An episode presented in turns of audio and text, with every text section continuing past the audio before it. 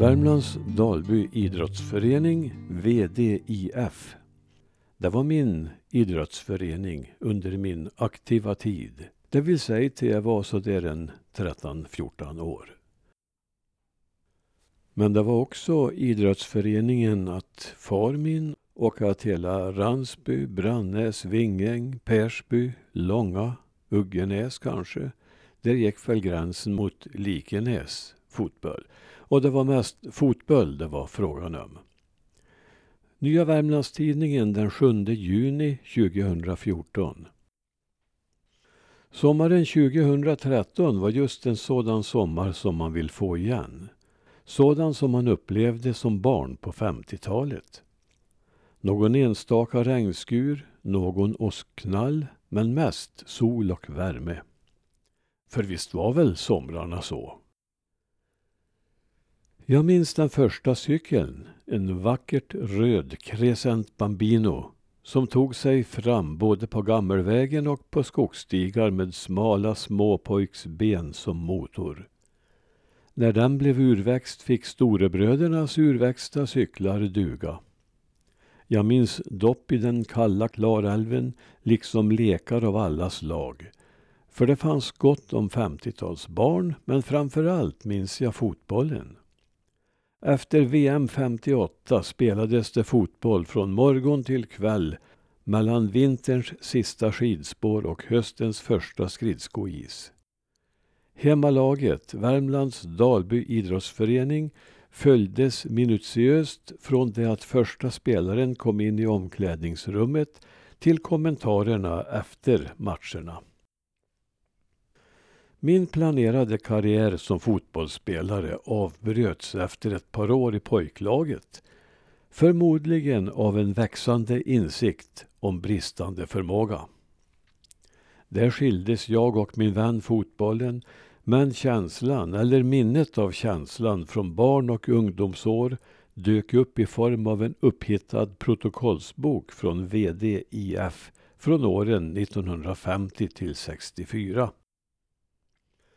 Vilka frågor var det som behandlades på mötena i en liten idrottsförening? Vilka var engagerade? Vilka idrotter satsades det på mer än fotbollen? Det var spännande att öppna den inbundna handskrivna boken.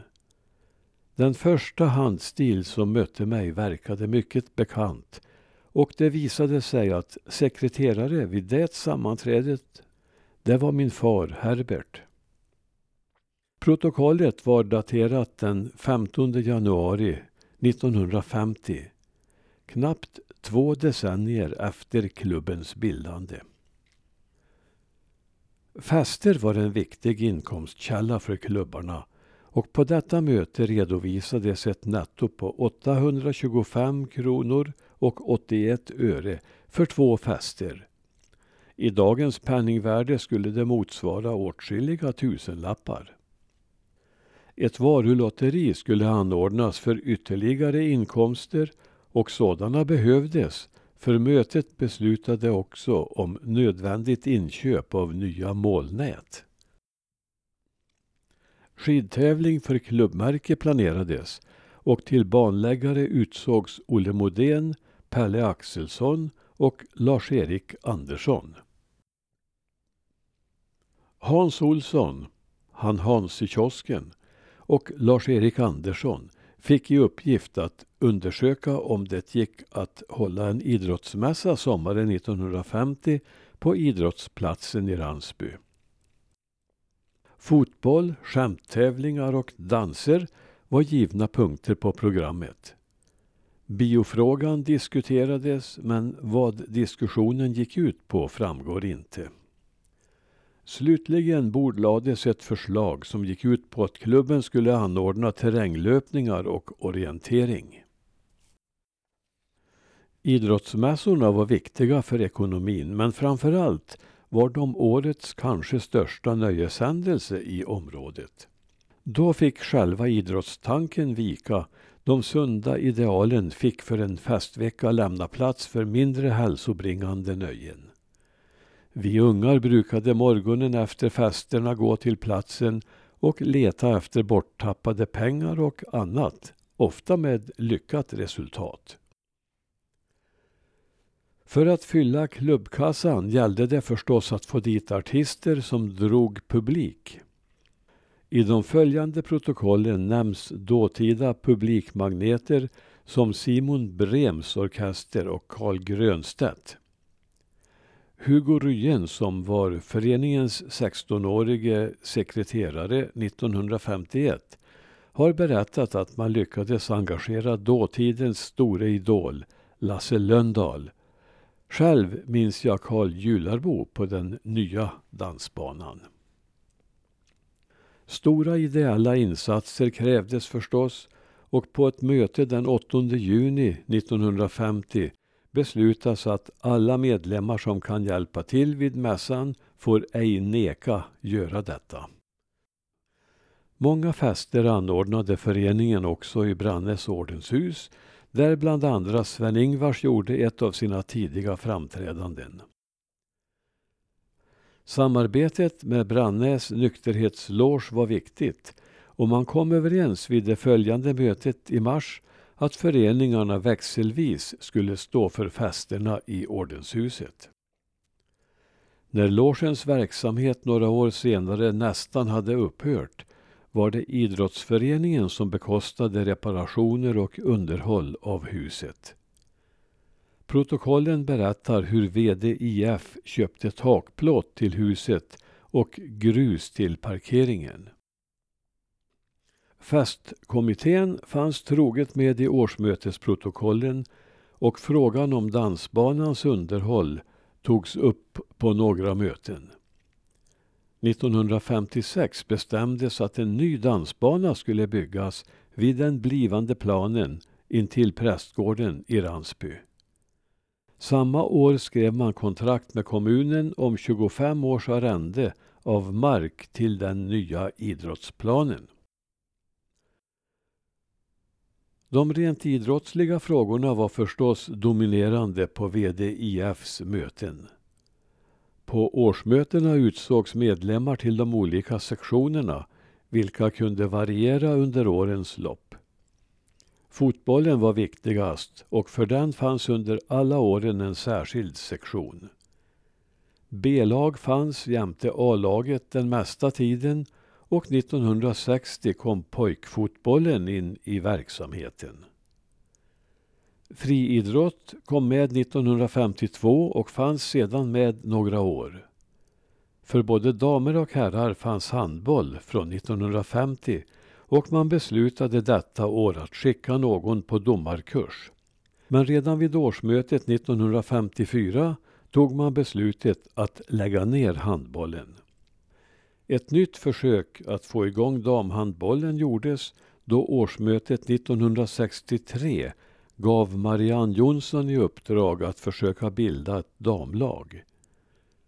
Hur det gick med detta finns inte noterat. Vid ett möte den 6 december 1953 kom man fram till att ett bandylag skulle bildas och att frivilliga krafter skulle hålla planen ren. Plan skottades upp på Klarälvens is och ett par år senare meddelas att man ska iordningställa landbana med elbelysning på fotbollsplanen. Bandysektionen fick också i uppdrag 1954 att utreda förutsättningarna för en ishockeyplan. Men både bandy och hockey försvann ur protokollsboken redan från 1956. Skidsektionen fanns med från de tidiga protokollen men redan 1951 gick tyngdpunkten över från längdåkning till backhoppning. Skidsektionen fick uppdraget att söka ordna en hoppbacke och tydligen lyckades man. För 1954 beslutades att man ska inköpa hoppskidor. Året efter sänder man Mats Bergfeldt och Sven Andersson på instruktionskurs i backhoppning i Filipstad. Backen som avses kan ha varit den som anlades i östra änden av Prästgårdsallén eller Amundbacken i Brannäs. 1956 fick emellertid kassören fullmakt att sälja föreningens hoppskidor. Protokollen handlar också om ersättning till skadade spelare, om köp av bordtennisbord och om medlemsavgiften som 1962 var 5 kronor för män, 3 kronor för kvinnor och 1 krona för barn. I det stora hela visar protokollsboken på initiativ, optimism och framåtsyftande. Men mot slutet kommer skuggor som så här i efterhand markerar början på en kommande tillbakagång. 1962, medan den nya planen fortfarande är under uppbyggnad, kommer en förfrågan från Sysslebäcks BIK om sammanslagning av klubbarna. Detta stolta lag som nyligen varit ända uppe i division 4. Värmlands Dalby IF svarar nej till detta förslag och SBIK lägger ner året därpå. Men redan 1964 beslutar VD IFs ledning att erbjuda IFK Likenäs samgående. Så fort kan saker och ting förändras. Sedan har som bekant sammanslagningen fortsatt i ett tempo som ingen kunnat föreställa sig på protokollbokens tid. Ingen kunde ha drömt om att de hopslagna lagen senare skulle spela i division 2 under namnet Nordvärmlands FF.